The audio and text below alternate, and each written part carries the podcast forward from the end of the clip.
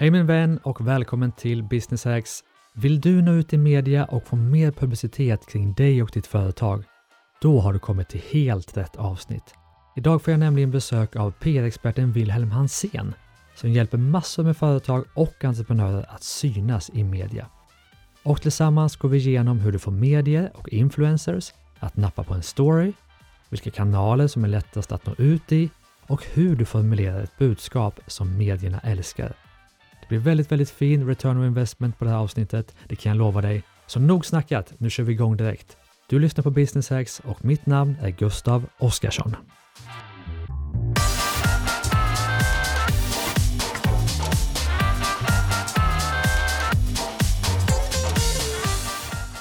Hej och välkommen till Business Hacks, eh, Wilhelm Hansén. Tack så mycket. Tack så Superkul mycket. att ha dig med.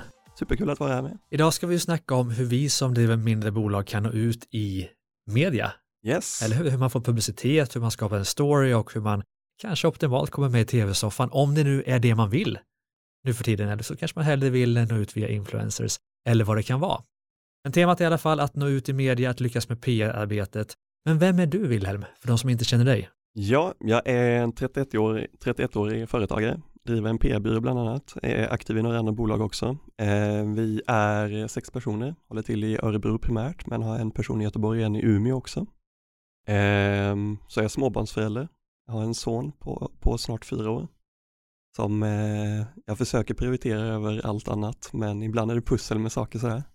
Och du försöker sälja in saker till honom då, så du använder dina egna knep. Alltså jag har fått honom att starta eget företag faktiskt. Det är jag väldigt nöjd med. Ja. Han jobbar med panta. Jaha, ja men det är ju Han har fantastiskt. pantat för 4 000 på tre månader. Oj, Det tycker jag är bra jobbat. som fyraåring, det är ju Jajamän. helt magiskt. Men du, vi ska i alla fall snacka om PR och att nå ut i media och Yes. du hjälper ju väldigt många individer och företag med det genom ditt företag som heter Gul PR. Precis. Och du, vart ska man börja då? Så jag tänker ju att målet med avsnittet är att få fram någon form av steg för steg strategi för att nå ut i, i media om man driver ett mindre bolag. Och det handlar ju både om att nå ut med bolagets eh, Yes. tankar, visioner, produkter, tjänster, men också med dig själv som företagsledare, för det kan handla mycket om, för många småföretagare handlar det ju om att du eh, som person är ditt företag och att nå ut med ditt eget brand. Så om man då ska ta tag i och bygga en, en plan för detta, var börjar man? Jag tror att man ska börja med att gå tillbaka till sig själv ganska mycket och se vad det är man gör och vad det är man eh, skapar för värde någonstans. Både vad man skapar för sorts värde och för vilka man gör det. Om man sätter de kärnorna först så får man någonstans eh, en väldigt mycket tydligare roadmap eller karta framåt för eh, vilka medier man bör gå till, Mm. vad man ska ha för budskap när man går till dem, vilka människor man vill nå, för det finns ju både medier, det finns ju som, som här poddar och annat. Mm. Eh, Det finns de eh, klassiska tidningarna, det finns det lokala, det finns det branschmässiga, det finns influencers. Och det är ganska sällan allt är rätt för alla. Men om man går tillbaka till kärnan någonstans, vad är det vi faktiskt gör? Vad är det för, och, och utifrån det se vad vi skapar för nytta, för Mm. vem och var de personerna befinner sig, så brukar det vara en bra start skulle jag säga. Mm. Jag tror att det då också är klokt att ta ett steg tillbaka. Nästan alla företagare, och både du och jag känner ju ganska många sådana vet Ja. jag, eh, älskar ju sin egen produkt. Mm. Och man ser att det här är det bästa någonsin. Och är man duktig säljare kan man ju sälja in det till många. Men någonstans att ta ett steg tillbaka och be, dels tänka själv kanske till att börja med, vad är faktiskt om jag försöker släppa min, mina egna liksom, eh, min egen förälskelse eh, till produkten eller i produkten och eh, se vad, vad värdet genuint är för människor. Eller kanske be människor runt omkring också komma med input. Vad ser du de facto? Vad är det för någonting som är, som är värdet i skapa här? Om du bortser från att du ska vara en snäll vän som ler och klappar händerna Mm. och istället säger vad, vad, vad gör vi verkligen? Då brukar man få en mycket bättre kärna än om man bara går på en hyllningskör eller sina, sina egna känslor liksom. Mm. Och där har man ofta kanske en till tio meningar definierat vad, vad värdet är. Och det tror jag Okej. är budskapet oftast. Så att skapa ett, bud, ett huvudbudskap, en, en story kanske möjligtvis. Absolut. Och, men vad är det då om vi tänker en tidning, eh, tv-program, en branschtidning, en influencer. Vad är det de vill ha? Vad går de igång på? Ja men det är så olika skulle jag säga, så jag tror Ja. att man får definiera lite där också. När man väl har gjort sin första definition av vad det är man skapar för värde och för vem och den Mm. sortens eh, grundunderlag så att säga, så kommer nästa del som är var finns de här människorna? Och de enklaste sätten att få genomslag i, i media skulle jag säga, det är lokalmedia och branschmedia generellt Mm. sett. Om man har en nischad produkt och det finns branschmedia, byggbranschen är typ exempel på massa medier, Ja. fastighetsbranschen har massa medier och så vidare. Techbolag finns det ju särskilda medier för, det kommer ju fler där också, med mer eller mindre genomslagskraft. Om, om man hittar sina nischer så kan man nog ofta se ganska mycket vad de medierna skriver om tidigare Mm. eh, om andra bolag. Och både utifrån, eh, om det nu handlar om, om medier där man skriver om företag, mer eh, hands-on så att säga, vad det är de skriver om. Ofta kan man se ganska tidigt i ingressen eller rubriken, vad är det medierna går igång på? Ja, Vad är det de vill ha mer av? just Själva det. texten sen är ju mer eh, informationsunderlag om man ska vara krass egentligen. Mm. En journalist ska ju inte vara partisk i grunden. Mm. Och samma sak med de flesta poddar är ganska duktiga där också skulle jag säga. Nej, Det är ju en bransch som har mognat jättemycket Mm. sen den liksom, nu finns det ju så enormt mycket poddar idag, men, men likväl alltså, det har funnits ganska mycket ganska länge. I början var det nog mer människor som bara ville bygga någonting. Det har blivit mer och mer moget där man även nu, mindre generellt sett alltså, mindre klappa händer och mer har en journalistisk grundton i saker Mm. än vad det var tidigare, är min upplevelse. Mm. Och jag tror att om man ser vad är det de går igång på, vad är det de skriver först om, Mm. där har du liksom kärnan i vad det är du ska försöka hitta hos dig själv. Ja. Det är inte alltid det finns allting ska sägas. Det finns vissa, vissa företag är svåra för och då kanske man ska titta i ett annat sammanhang istället. Mm. Om, eh, om det finns en techbakgrund då kanske, och det inte finns pengar i det, då är förmodligen kanske ett medie mer intressant än ett annat för dig. Mm. Eh, DI till exempel vill ju gärna ha pengar i sina nyheter. Mm. Det är en, plattf- alltså en plattform rent nyhetsmässigt som kommer ifrån jättestora pengarnyheter, kapitalnyheter liksom av, du konkurrerar med i grunden om man bortser från det digital med eh, och, och vissa featureaktiga delar som eh, eh, Weekend, PS och entreprenörsdelarna så, så konkurrerar du med börsfall, börs, börsrusningar, eh, rusningar. du konkurrerar med eh, Sveriges rikaste människor och så vidare.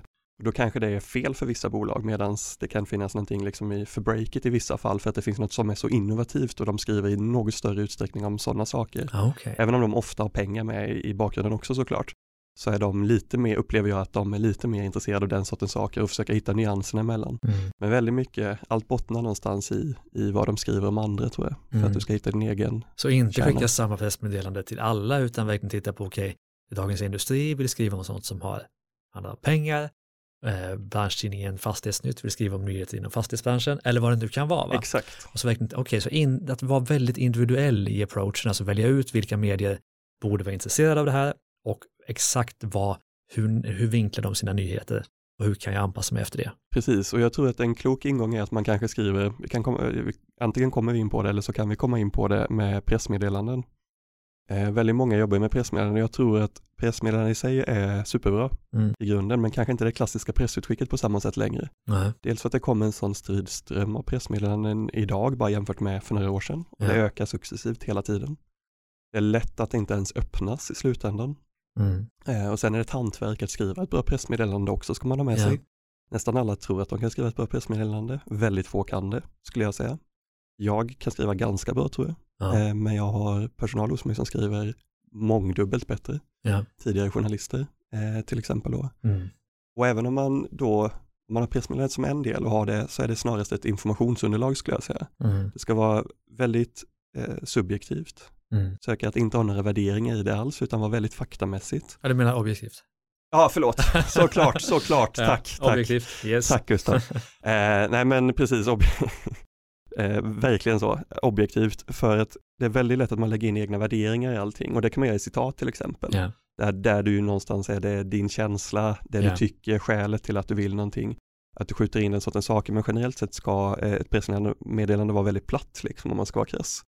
Det ska vara som en artikel. Lite så, det ska ja. vara, journalisten är ute efter faktan egentligen. Ja. Och sen så om du har värderingar, tycker det är jättekul eller det är bra för att och fronta liksom mot konkurrenter eller något liknande, då är det någonting för citat snarare skulle jag säga. Ja. Och det som, ehm, det som händer är att du, du, du bygger ett pressmeddelande på ett bra sätt generellt sett, eller när du har gjort det. Så rent generellt kan du använda det mot många medier, men ofta så är det bättre att pitcha på andra sätt tror jag. Okej. Man går till journalisten med, det här tror jag är intressant för dig, fast man kanske inte säger det på det sättet, men, men det är liksom eh, det man de facto gör, att du kommer med eh, en nyhet till journalisten för att du tror att det är intressant för Mm. att Z och där individen passar du lite mer. Vill Gör du det via mer, mail eller via telefon? jag skulle säga både och. Både och. Mm. Ja. Jag tror att man ska känna in situationen lite. Det skadar inte att skicka ett mejl och sen ringa eller tvärtom. Mm.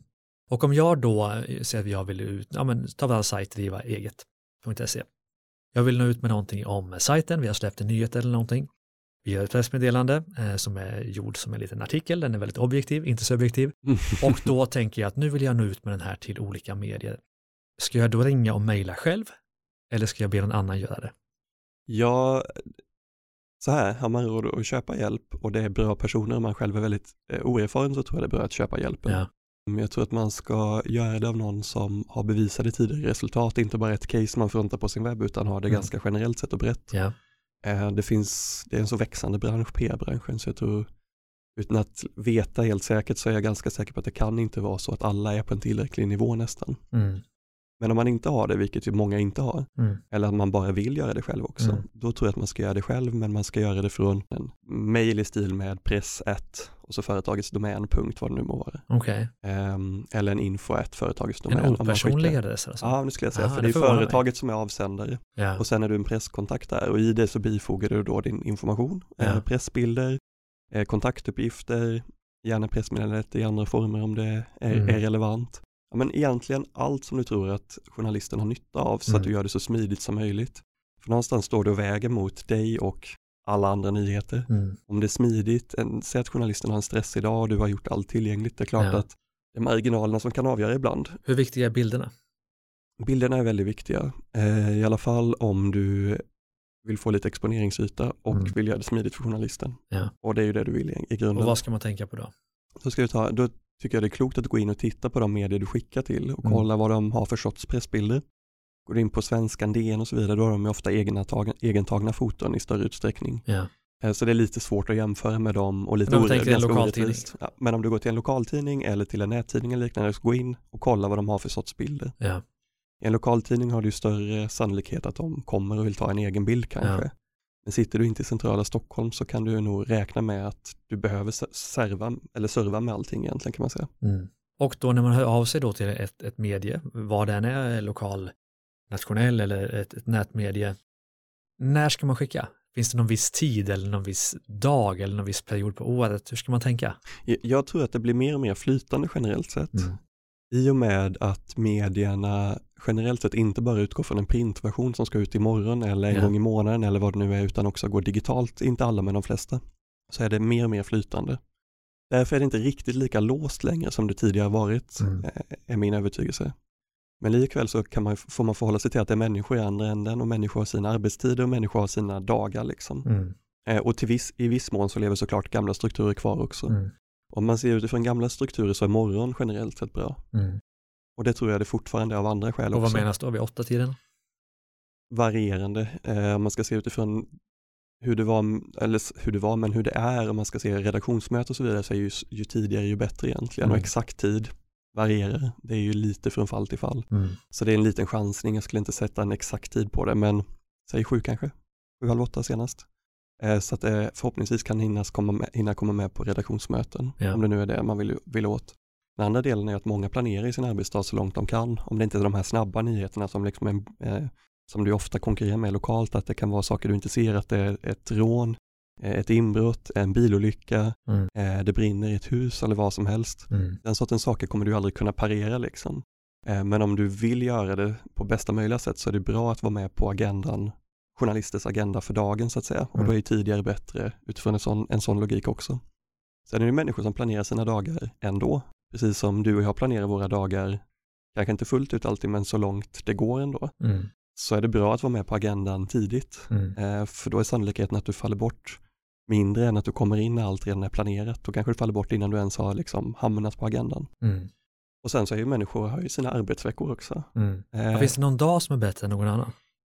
det finns massa olika sanningar som jag har hört från tusen olika håll känns Ja. det som. Jag skulle säga att min erfarenhet är att fredagar är sämsta möjliga av vardagarna och vardagar är ju de dagarna generellt sett som helgerna är väldigt dålig bemanning på redaktionerna jämfört med Ja. vardag och så vidare. Ja. Så fredag är den jag i sista hand skickar på Och inte lördag och söndag? Inte lördag och söndag, Nej. aldrig lördag och söndag skulle jag säga. Nej. Om det inte är något extremt exceptionellt som liksom bara går då eller liksom, det kan ju vara saker som sticker ut men Mm. aldrig lördag och söndag som regel i grunden. Mm. Men alla regler har ju undantag såklart. Mm. Därefter tar jag bort fredagen för egen del om jag får välja och Mm. därefter tar jag bort måndagen. Och i spannet däremellan, och själen säger sig kanske sig själva egentligen att fredagen är en ganska stressig dag för många. Ja. Man försöker fasa ut inför helgen om man vill ska gå på ledigt. Mm. Man kanske gör un, liksom städa undan det man har, har kvar sedan tidigare i veckan och så Mm. vidare. Och journalister är människor precis som alla andra. Ja. Eh, Surprise! eh, och måndagen är lite samma skäl sådär. Mm. Man kommer från helgen, ska starta upp, man har kanske lite saker som eh, har runnit över från, från in, veckan innan. Ja men alla när man startar upp en ny vecka, de flesta i alla fall har lite större, längre startsträcka än måndag än vissa Mm. andra dagar. Likadant så, så kan det vara så att det har kommit en enorm massa mejl över helgen. Mm. Att försvinna, alltså ju, ju större konkurrens du har, ju svårare är det att slå igenom någonstans. Och måndagen är av det skälet ganska dålig skulle jag säga. Så tisdag till torsdag skulle jag föreslå. Just det. Så vi sammanfattar då, eh, du ska skapa ett budskap utifrån det mediet, eller först och främst skapar du ett budskap utifrån det som du vill berätta, men så objektivt som möjligt, det vill säga skriva ett pressmeddelande som är egentligen som en artikel. Skicka med schyssta bilder som passar mediet och i det mejlet du skickar till mediet så ska du hitta liksom en vinkel som de kan gå igång på. Och det här mejlet skickar du mellan tisdag och torsdag normalt Förslagsvis. och gärna vid sju, halv åtta någonstans på morgonen. Och det här är någon form av standard. Sen kan ju det här skilja såklart från Absolut. media till media och från fall till fall. Men finns det någon period på året som är mer vettig? Ska man undvika sommaren eller ska man tvärtom satsa på sommaren för att ingen annan gör något då? Till exempel. Och det där är också väldigt varierande. Eh, Jag hade ett samtal med en kund om det här i förmiddags, Ja. där vi bollade det här fram och tillbaka liksom. Och det beror helt på vad du har för sorts nyheter. Du nämnde tv-soffor innan, det är ju ganska få som har en potential ens i en tv-soffa om man ska vara krass. Men om man har det, då, då är ju sommaren sina för och nackdelar. Fördelen är ju att det är mer, generellt sett mer feature-material på sommaren än resten av året. Mm. Samtidigt så är det två tv-soffor som går på sommaren i Sverige och det är Nyhetsmorgon och Morgonstudion, alltså TV4 och SVT. Ja. Malou efter tio har paus, efter fem har paus, God kväll har paus och så vidare. Sverige har paus, Mm. eh, kulturprogrammet som går. Men lokaltidningarna kanske vill ha Men lokaltidningar kan vara relevant. Mm. Det som vissa personer, det man lätt kan göra fel det är att på sommaren är det ofta, är det inte i lika stor utsträckning bemannat med ordinarie personal utan det är inne eh, vikarier och eh, kanske studenter och så vidare som snart färdiga journalister och, Mm. och sådär. Och risken är att man springer på de kontakter man har sedan innan eller någon man har googlat upp som skrev en eller två veckor tidigare men som kanske är på semester nu. Ja. Så att kolla vem man går till när man väl hör av sig. Ringer man Mm. är det ju inga problem, då, är, då märks det ju direkt. Men om man mejlar, nu när vi pratar pressmeddelande och skickar ut, Mm. då finns det en risk att det faller mellan stolarna. Å andra sidan är potentialen eh, större och högre i och med att de som väl approachar journalister är färre när de också i ganska stor utsträckning är på semester.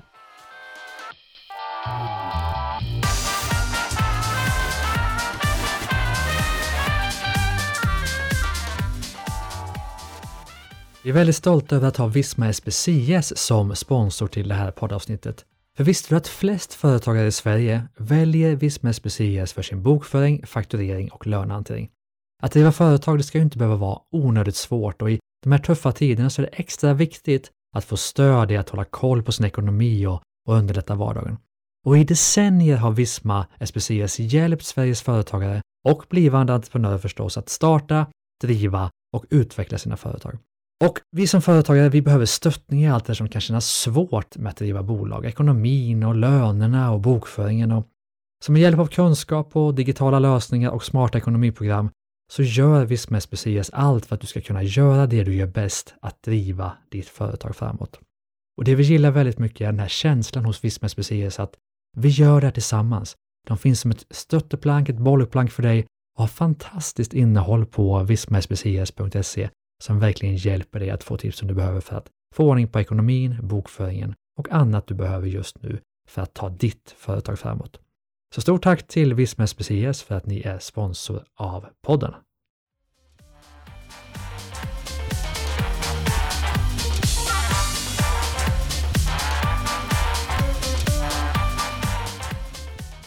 Men vad går medierna igång på då? Alltså ska det vara en nyhet? Ska det vara något smaskigt? Ska det vara något smart? Alltså generellt, hur ska man tweaka sina pressmeddelanden och sina eh, ja, nyheter får vi kalla det?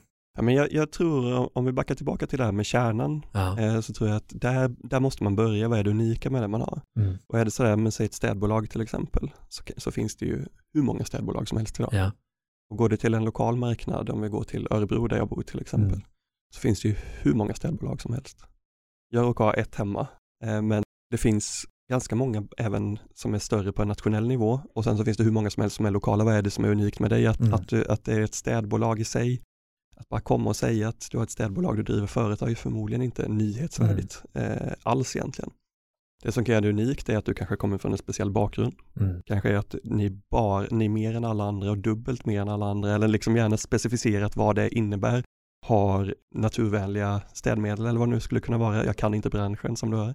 Men ehm, det skulle kunna vara att ni ställer om he hela er fordonsflotta till eh, elbilar.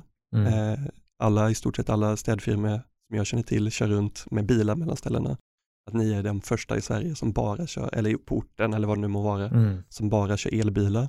Det kan vara att ni är de enda som har öppet eller är tillgängliga för Mm. bokningar under en viss period i, i, i en viss utsträckning kanske. Eller att ni är det alls, det är ju ännu bättre såklart. Mm. Att hitta det där unika som sticker ut och som helst inte bara sticker ut lite grann liksom. Mm. Men nu ändrar vi till någonting, eh, vad det nu må vara, säg det här med medel eller material man har när man städar i detta fallet. Om man ändrar, om man ställer om till att bara ha saker som är miljövänliga och alla Mm. andra redan har det, försvinner substansen i den nyheten. Om Yes, ingen har ja. det, då är det en Mm. jättesubstans i den helt plötsligt. Eh, Så, så beroende på hur konkurrenter har det och hur marknaden ser ut generellt sett, vad är det unika? Och hitta det så långt det går. Mm. Och ofta kan man hitta det än en gång om man backar tillbaka till ytterligare en sak vi pratade om, just det där, vad är det tidningen skriver om sen tidigare. Det kan också vara så att man kan hitta konkurrenter på en annan ort, om vi nu pratar lokalmedia, som Mm. har stuckit ut jättemycket där. Vad är det media har skrivit om där? Just det. Ibland kan det vara en, en grundare som sticker ut ganska mycket såklart. Eh, och då är det personen, det kan ju vara svårt om man inte har samma attribut eller samma egenskaper själv, men, men om det är mer bolagsmässigt eller företagsmässigt så är det ju klart att där kan man ju ofta, alltså att sno är inget dåligt skulle jag säga. Mm. Eh, och är man på olika marknader så finns det inte ens, liksom, det, finns sällan något etiskt knasigt i att sno det, men det finns absolut inget då. Mm. Men då tänker jag att, att tendensen kanske är hos många att man gör ett pressmeddelande och så går man ut i alla medier samtidigt, vilket jag tänker är ett misstag. Mm. Borde man inte börja på något sätt i någon topp med viktigaste mediet och ge dem exklusivitet? Hur ska Jo. man tänka där? Ja, men det tycker jag absolut att man ska. Och man, om man pratar i termer av lokalt och nationellt så finns det ju sällan jättemånga lokala alternativ idag. Mm. Men det kan ju finnas. Mm. Eh, ibland kanske en mindre bättre för att den har rätt målgrupp. Mm. I Örebro där jag kommer ifrån har du HKM som har en, en massa tidningar. De har eh, Marknad Örebro, de har Handelsstaden och så vidare.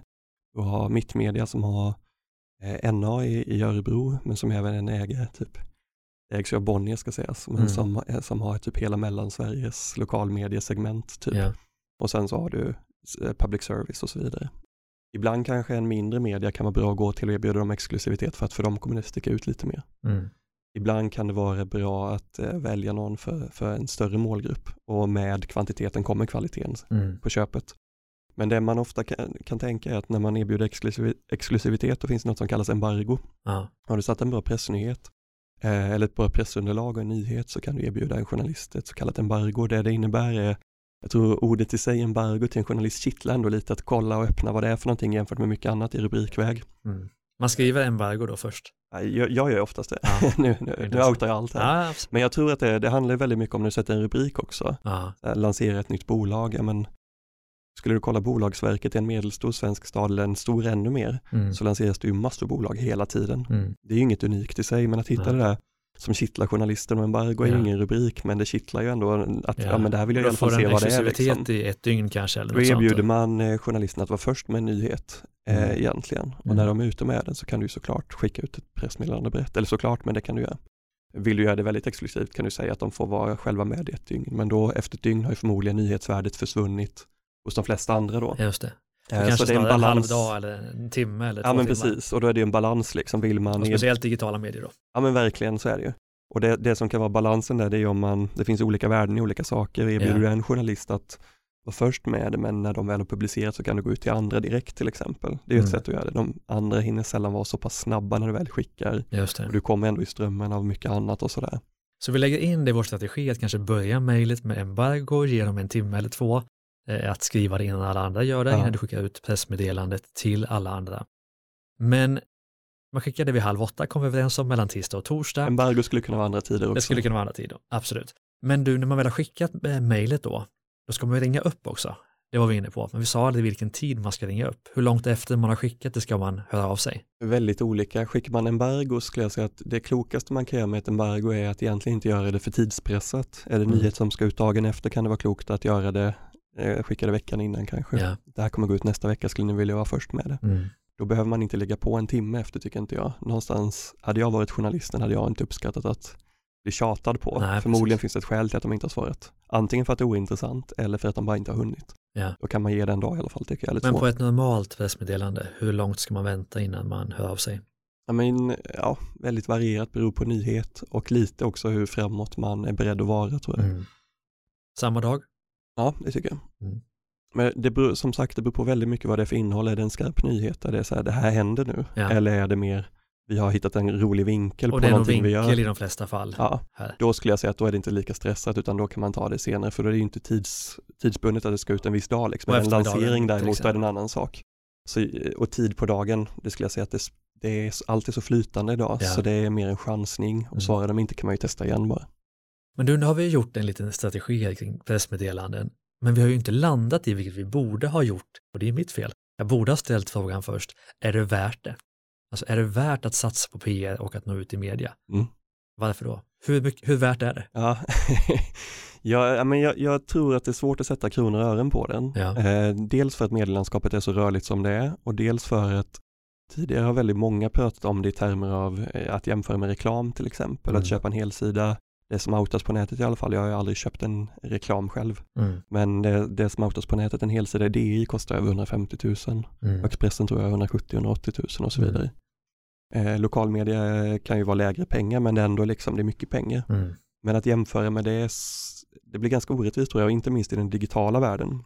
Men jag tror man kan, om man, om man backar tillbaka till sig själv och sitt beteende lite Mm. och går in på sin Facebook-profil bara och ser hur man scrollar liksom. Mm. Hur mycket du scrollar förbi på en dag. Dels Ja. vänner och, och, och bekanta men inte minst reklam. Reklamen är värd, kan vara värt jättemycket på ett sätt men det är svårt att jämföra PR och reklam för någonstans där du stannar vid ofta är dina närmsta vänner. Om det är någonting som sticker ut i bildväg eller om det är nyhetsartiklar. Och det Mm. är samma sak i Google-rankningar. Så är det ju några saker som sticker ut som kanske har jättemånga läsare, kanske inte, men är väldigt eh, kvalitativt enligt Google. Mm. Eh, och det är till exempel universitet och högskolor som förmodligen har ganska få besökare på sina webbar, vågar jag gissa, alltså relativt sett. Mm. Kanske, kanske många utifrån det de gör, men få annars. Och eh, seriösa nyhetssidor. De Mm. premieras liksom i Google-index. Ja. Eh, och det innebär inte att du får en länk i en artikel, det är inte det som är journalistens roll, så att du får en länk och sen rankas din sida högre, utan det är Mm. artikeln som rankas högre för att Mm. nyhetsmediet i sig rankas högre.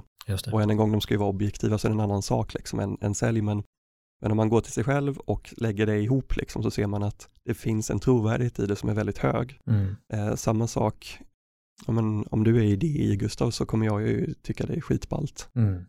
Mm, Det finns en trovärdighetsbit i det som är som inte faller fort som väldigt många andra trovärdighetsbitar gör idag. Mm.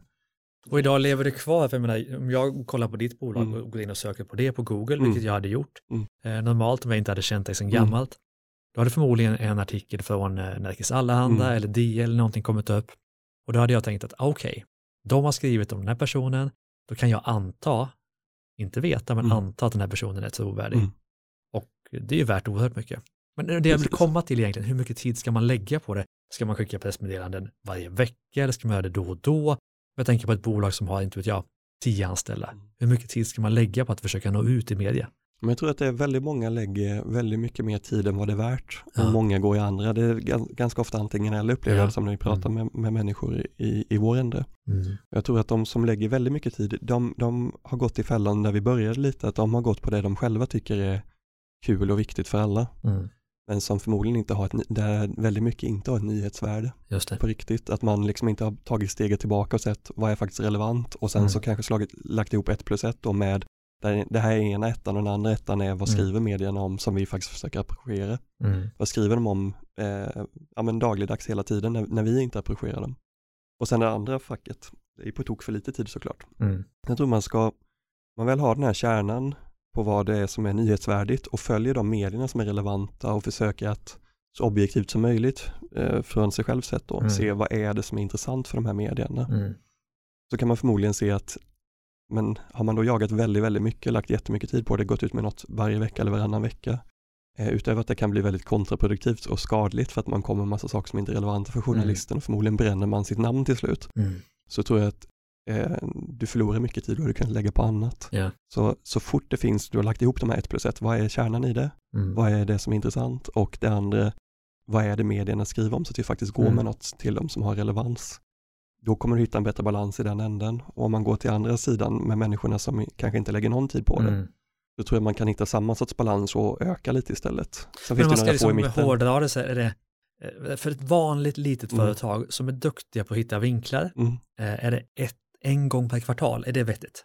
Nej, men jag tror, är du duktig på att hitta vinklar, du ska jobba med det löpande. Liksom. En gång per resurser månad till kanske. det också. Ja. Inte varje vecka Nej, för men, lokaltidningar eh, men en gång per månad kanske. Precis, Ja. ja. men det, och, och likadant kan det vara så att en gång är det lokalmedia som det är relevant för. Och nästa gång är det En gång kanske det är Ja. branschtidningar. En tredje gång kanske det är någonting som är helt utanför men när du når kunder som är relevanta. Eh, Mm. Som kanske inte har med de här sakerna att göra. Jag vet inte vad det skulle kunna vara nu men kanske miljömedier. Mm. För att du också då vid en googling så vill du ju när ditt namn kommer upp. Men som du sa, om du hade googlat mig så hade du säkert hittat vissa saker. Mm. Och googlar du någon någon annan hittar du andra saker. Mm. Eh, och det jag tror kan vara värdet är att det är inte alltid direktsälj, eller sällan direktsälj som Mm. är grunden. Liksom. I vissa fall med en produktlansering är det såklart direktsälj det handlar om, men det handlar också om att bygga någonting över tid eller vara relevant när folk söker Mm. på det och så vidare. Ja, det kanske är det som är största styrkan med att speciellt digitalt idag Mm. som vi sa, man söker på saker, bolaget kommer upp, personen kommer upp, ett stort och starkt media har skrivit om det. Det ökar ju chansen oerhört mycket tror jag. Mm. Du får inget också. sälj på det, men du får en trovärdighet som leder till ett ja istället för ett nej. Mm. Och det är likadant, alltså idag kan du använda PR i sekundärled som du inte har kunnat tidigare, det är att du har egna kanaler och kan använda det. Mm. Nästan alltid när du kommer med någonting, jag är ingen sociala medieexpert ska sägas, men, men när du kommer med någonting, om jag går till mig själv, eller går jag läste en, en bra bok i helgen som heter Badfluence av ett par journalister från Resumé, jag tycker den Ja. var superbra, tips. Jag kommer inte ihåg siffror, men alltså antalet säljbudskap vi människor översköljs med per dag, alltså Mm. jag har hört, hört siffror förr som var ganska höga, men här var ju alltså många gånger fler det som faktiskt är just nu liksom. Ja. Det går så rasande fort hur det ökar. Och att komma in i det och kunna använda liksom den här tredjepartsstämpeln som du får, liksom, Mm. det blir som en kvalitetsstämpel om en extern person som ska vara objektiv skriver om det. Det. Det är som att en bolag- kompis berättar ja. om det liksom. Många bolag har ju längst ner, har setts i och så står det New York Times och Precis. verkligen för att nyttja de varumärkenas Det finns ju en trovärdighet styrka, där, så är det ju. Men du, vi måste, för du var inne på sociala Mm. medier och sa just att du inte var expert på det. Mm. Men jag vill ju ändå fråga då, för att idag så influencers når ju oerhört många Mm. och det är inte alla som kanske ska nå ut via de största, Mm. mest kända influencerserna. Jag vet inte ens hur man uttalar det. Men du kanske ska nå ut via en microinfluencer och så vidare. Hur når man ut om man vill nå ut via profiler i sociala medier? Men det finns ju massa olika sätt och som sagt det här är inte min kärngrej men, men jag tror att det är lätt att man bara siktar på de största som är, har en brutal både trovärdighet ofta, det är Mm. därför de kan hålla sig stora över tid, Mm. eh, men också en, eh, ett enormt värde i den räckvidd de har såklart. Och eh, pengarna man lägger på det, det kanske inte ens finns liksom. Det kan ju Mm. vara vissa, eh, liksom, kanske en månadsomsättning för vissa bolag Mm. nästan i Mm. vissa fall. De är inte relevanta för de, för de flesta tror jag inte. Jag tror det är bra att bara ta ett steg tillbaka där också, sätta vad är våran ribba? Ja. Hur kan vi lösa det på ett så bra sätt som möjligt? Mm. För vissa restauranger så är det såklart att de kommer dit och äter. Mm. Eh, att personer kommer dit och hellre vill komma dit än någon annanstans. Mm. Eh, för någon annan kan det vara något helt annat. Men om man tar det med sig och liksom lägger det på en rimlig nivå utifrån Mm. vad man faktiskt har för potential, dels i pengar men dels också i, i erbjudanden då och lägger ihop det med än en gång vilka är det vi vill, vi vill nå? Vad fyller det för funktion? För det är lätt att man bara säger liksom att saker blir som liksom saker för papper, liksom. att man sätter en massa dokument på saker. Det här Mm. ska vi göra, att vi har en miljöpolicy Mm. men inte gör någonting vettigt av det till exempel. Ja. Samma sak är det ju här, att det är väldigt lätt att säga att vi jobbar med det här, det här, det här och det här och influencers är en del av det. Men vad fyller en funktion i slutändan? Och då tror jag, om man går väldigt många i en lokal marknad till exempel, Mm. vilka är relevanta för den lokala marknaden? Mm. Eh, influencers har ju, precis, inte alla, men nästan alla har ju precis samma, samma sak, men samma fenomen som nationella medier, att du har ju räckvidd lite överallt om man ska vara krass, Mm. med undantag såklart, men alltså de Ja. är ju större på vissa ställen än andra och det beror ju på befolkningsunderlag och, och annan, andra demografiska faktorer såklart. Men om du har en lokal marknad så är ju förmodligen lokala influencers bättre, för Mm. även om de har en nationell räckvidd har de kanske sin kärnräckvidd någonstans. Absolut. Men, men hur når man ut via dem? Alltså, skickar man ett pressmeddelande på samma sätt? Eller vill de ha information på något annat sätt? Väldigt varierat, men jag skulle säga att man ska ta personlig kontakt. Ja, bjuda in dem? Ja, det tycker Ja. jag absolut. Och jag tycker också man kan bjuda in, komma och hälsa på oss, Ja. eh, testa det här, se det här nya vi har. Om det är relevant för dem. Vi gillar din, eh, ditt flöde. och bla, säg varför. Eh, och var genuin i det. Ja, vi Eh, tror du skulle gilla det här. Kom och häng med oss. Ja men precis, Mm. och jag tror att en, en bieffekt av det, av det liksom blir att men det finns en trovärdighet i det. Ja. För man än en gång backar tillbaka till kärnan, är mycket backa tillbaka men, men om man, om man det, jag tror det är väldigt klokt, lätt att man bara springer på för att man ska göra någonting. Mm. Men om man istället ser, är genuin i det, så dels om man hoppar dem som man så att säga inom citationstecken ska prata med bara för att Ja. de är stora till exempel Mm. och gå på dem som är relevanta för just mig Mm. eh, så kan man på samma gång också se, tycker jag faktiskt att vi passar ihop och vad är det jag gillar med flödena. Mm. Personen i andra änden kommer ju märka det. Om du får ett mejl av mig eller ett telefonsamtal av mig och jag säger, ja men vi verkar vara en bra match och sen i nästa steg så har jag inte ens kollat in vad det är du gör för någonting. Det. Det kommer ju synas väldigt Mm. tydligt. Om man tar det till ytterligare nivå så är det klart att bara säga vad det är du gillar eller varför du tror det skulle vara intressant för personen. Mm. Eh, Men jag har sett att du är jätteintresserad av det här. Det här finns, vi är grannar med dig nästan. Det vore Mm. jättekul om du kom och, och tittade. Förstår Det är ju- ja. Du avgör själv om du vill eller inte, men det skulle vara jättekul om du gör det. Mm. Och det är intressant för att hör du av dig till en tidning eller till en nättidning, ett media, public service, då ska du ju vara objektiv. Mm. Det kommer överens om ett pressmeddelande, objektiv, objektiva bilder. Men hör du av dig till en influencer, de har ju ingen objektivitet så, de är ju väldigt subjektiva. Och där kan ju du ju vara, tänker jag, då Mm. mer subjektiv och Ja, tänka att fan vi också. skulle passa ihop, vi har ju samma mål, liksom. vi har olika saker, vill du komma och kolla och hänga med oss? Men det tycker jag. Mer Och så. samtidigt så finns det en kärngrej i det som ändå är gemensam Ja, eh, med, med media tycker jag. Och det är, vad är det som gör, gör det relevant för exakt. personer du Ja. kontaktar? Och det är ju en gemensam nämnare. Medans, in, men däremot så har ju influencer förmodligen kärnvärden. Liksom. Mm. Och, och likadant sådär, men någon har barn. Men det här är ju klockrent. Vi öppnar ett nytt lekland, skulle ni vilja komma och testa? Ni Mm. får testa innan alla andra. Absolut. Vi la en filmvisning i Örebro för tre veckor sedan. Mm. Eh, Den sortens saker händer ju inte i Örebro. Det är Mm. jätteintressant för folk som får komma och de får komma dagen innan filmen går upp på svenska biografer. Just det. Det är liksom, det är bara ett exempel såklart, ett litet exempel, men, men att hitta det som är unikt och göra det lite annorlunda och känns, och mm. helst, det ska ju inte bara kännas utan det ska ju vara exklusivt såklart, men sen måste ju personen känna att det är det också Absolut. och inte bara få höra att det är det. Men mer kärlek, Det skulle jag Helt säga. verkligen. Men du, tiden går fort, Ja. som den alltid gör i poddsammanhang. Och nu tänker jag att vi ska sammanfatta det här på något sätt i en superkort, en minut strategi för små, mindre företag som vill skapa en PR och mediastrategi. Shoot. Oj, jag skulle säga eh, följ dem, gå tillbaka till kärnan till att börja med. Mm. Vilka är ni? Vad gör ni? Vem är du? Vad gör du? Eh, om det nu är en person det handlar om till viss del också. Många människor är i sitt, sitt eh, företag, sitt varumärke. Backa tillbaka när du tittar på det. Be någon från sidan. Kanske även kan be kunder, liksom, vad är det ni genuint uppskattar med oss som sticker ut? Någon från sidan, kom med Mm. input. Efter det, då har du hittat en kärna någonstans. Vad är det för värden ni skapar? Vad är det som är unikt med? Vad är det som är annorlunda? Vad är det som sticker ut? Kolla upp vilka medier, vilka poddar, vilka ja, sammanhang generellt sett som är relevanta för er. Mm. Följ dem noga, inte bara sådär, jag när jag säger noga så handlar det inte om att man ska lägga fem timmar per dag. Det, det funkar ju inte för någon såklart, men, men följ dem i alla fall rubrikmässigt och kolla in no, någon artikel per dag eller någon grej per dag Mm. om det nu är, om det nu är relevant för dig eh, och se vad det är som, som får dem att nappa, vad är det de går igång på. Mm. Och ofta finns vinkeln som de går igång på ganska tidigt i texten medan resten blir mer, liksom utveckling av det eller mer info om, om Mm. generella liksom eh, bakomliggande grejer som vad bolaget gör eller vad det nu är. Och gör det över tid också. Och när du ska skriva presstext har vi inte sagt, men jag tror det är klokt att bara söka de flesta PR-byråer och sådär. Eh, inte vi, så jag kan inte säga alla. men men eh, är ganska bra på, många i alla fall, är ganska bra på att dela tips och tricks. Mm. Kolla, kolla upp det och använd dig av det. Mm. Sök på de som får bra genomslag och kolla hur de skriver, för många publicerar också sina saker på webben. Mm. Vad är det de gör som, som du kan ta av? Likadant om det är lokal marknad, kolla på konkurrenter på andra marknader som får bra genomslag. Mm. Och sno och sno snyggt. Och sno inte rakt av ordagrant, det, Mm. det mår ingen bra av, men fenomen liksom. Och sen så en sak som jag tror är jätteviktig och det är att alltid vara schysst. Var genuint schysst. Mm. Om en journalist inte vill skriva så finns det förmodligen ett skäl till det. Mm.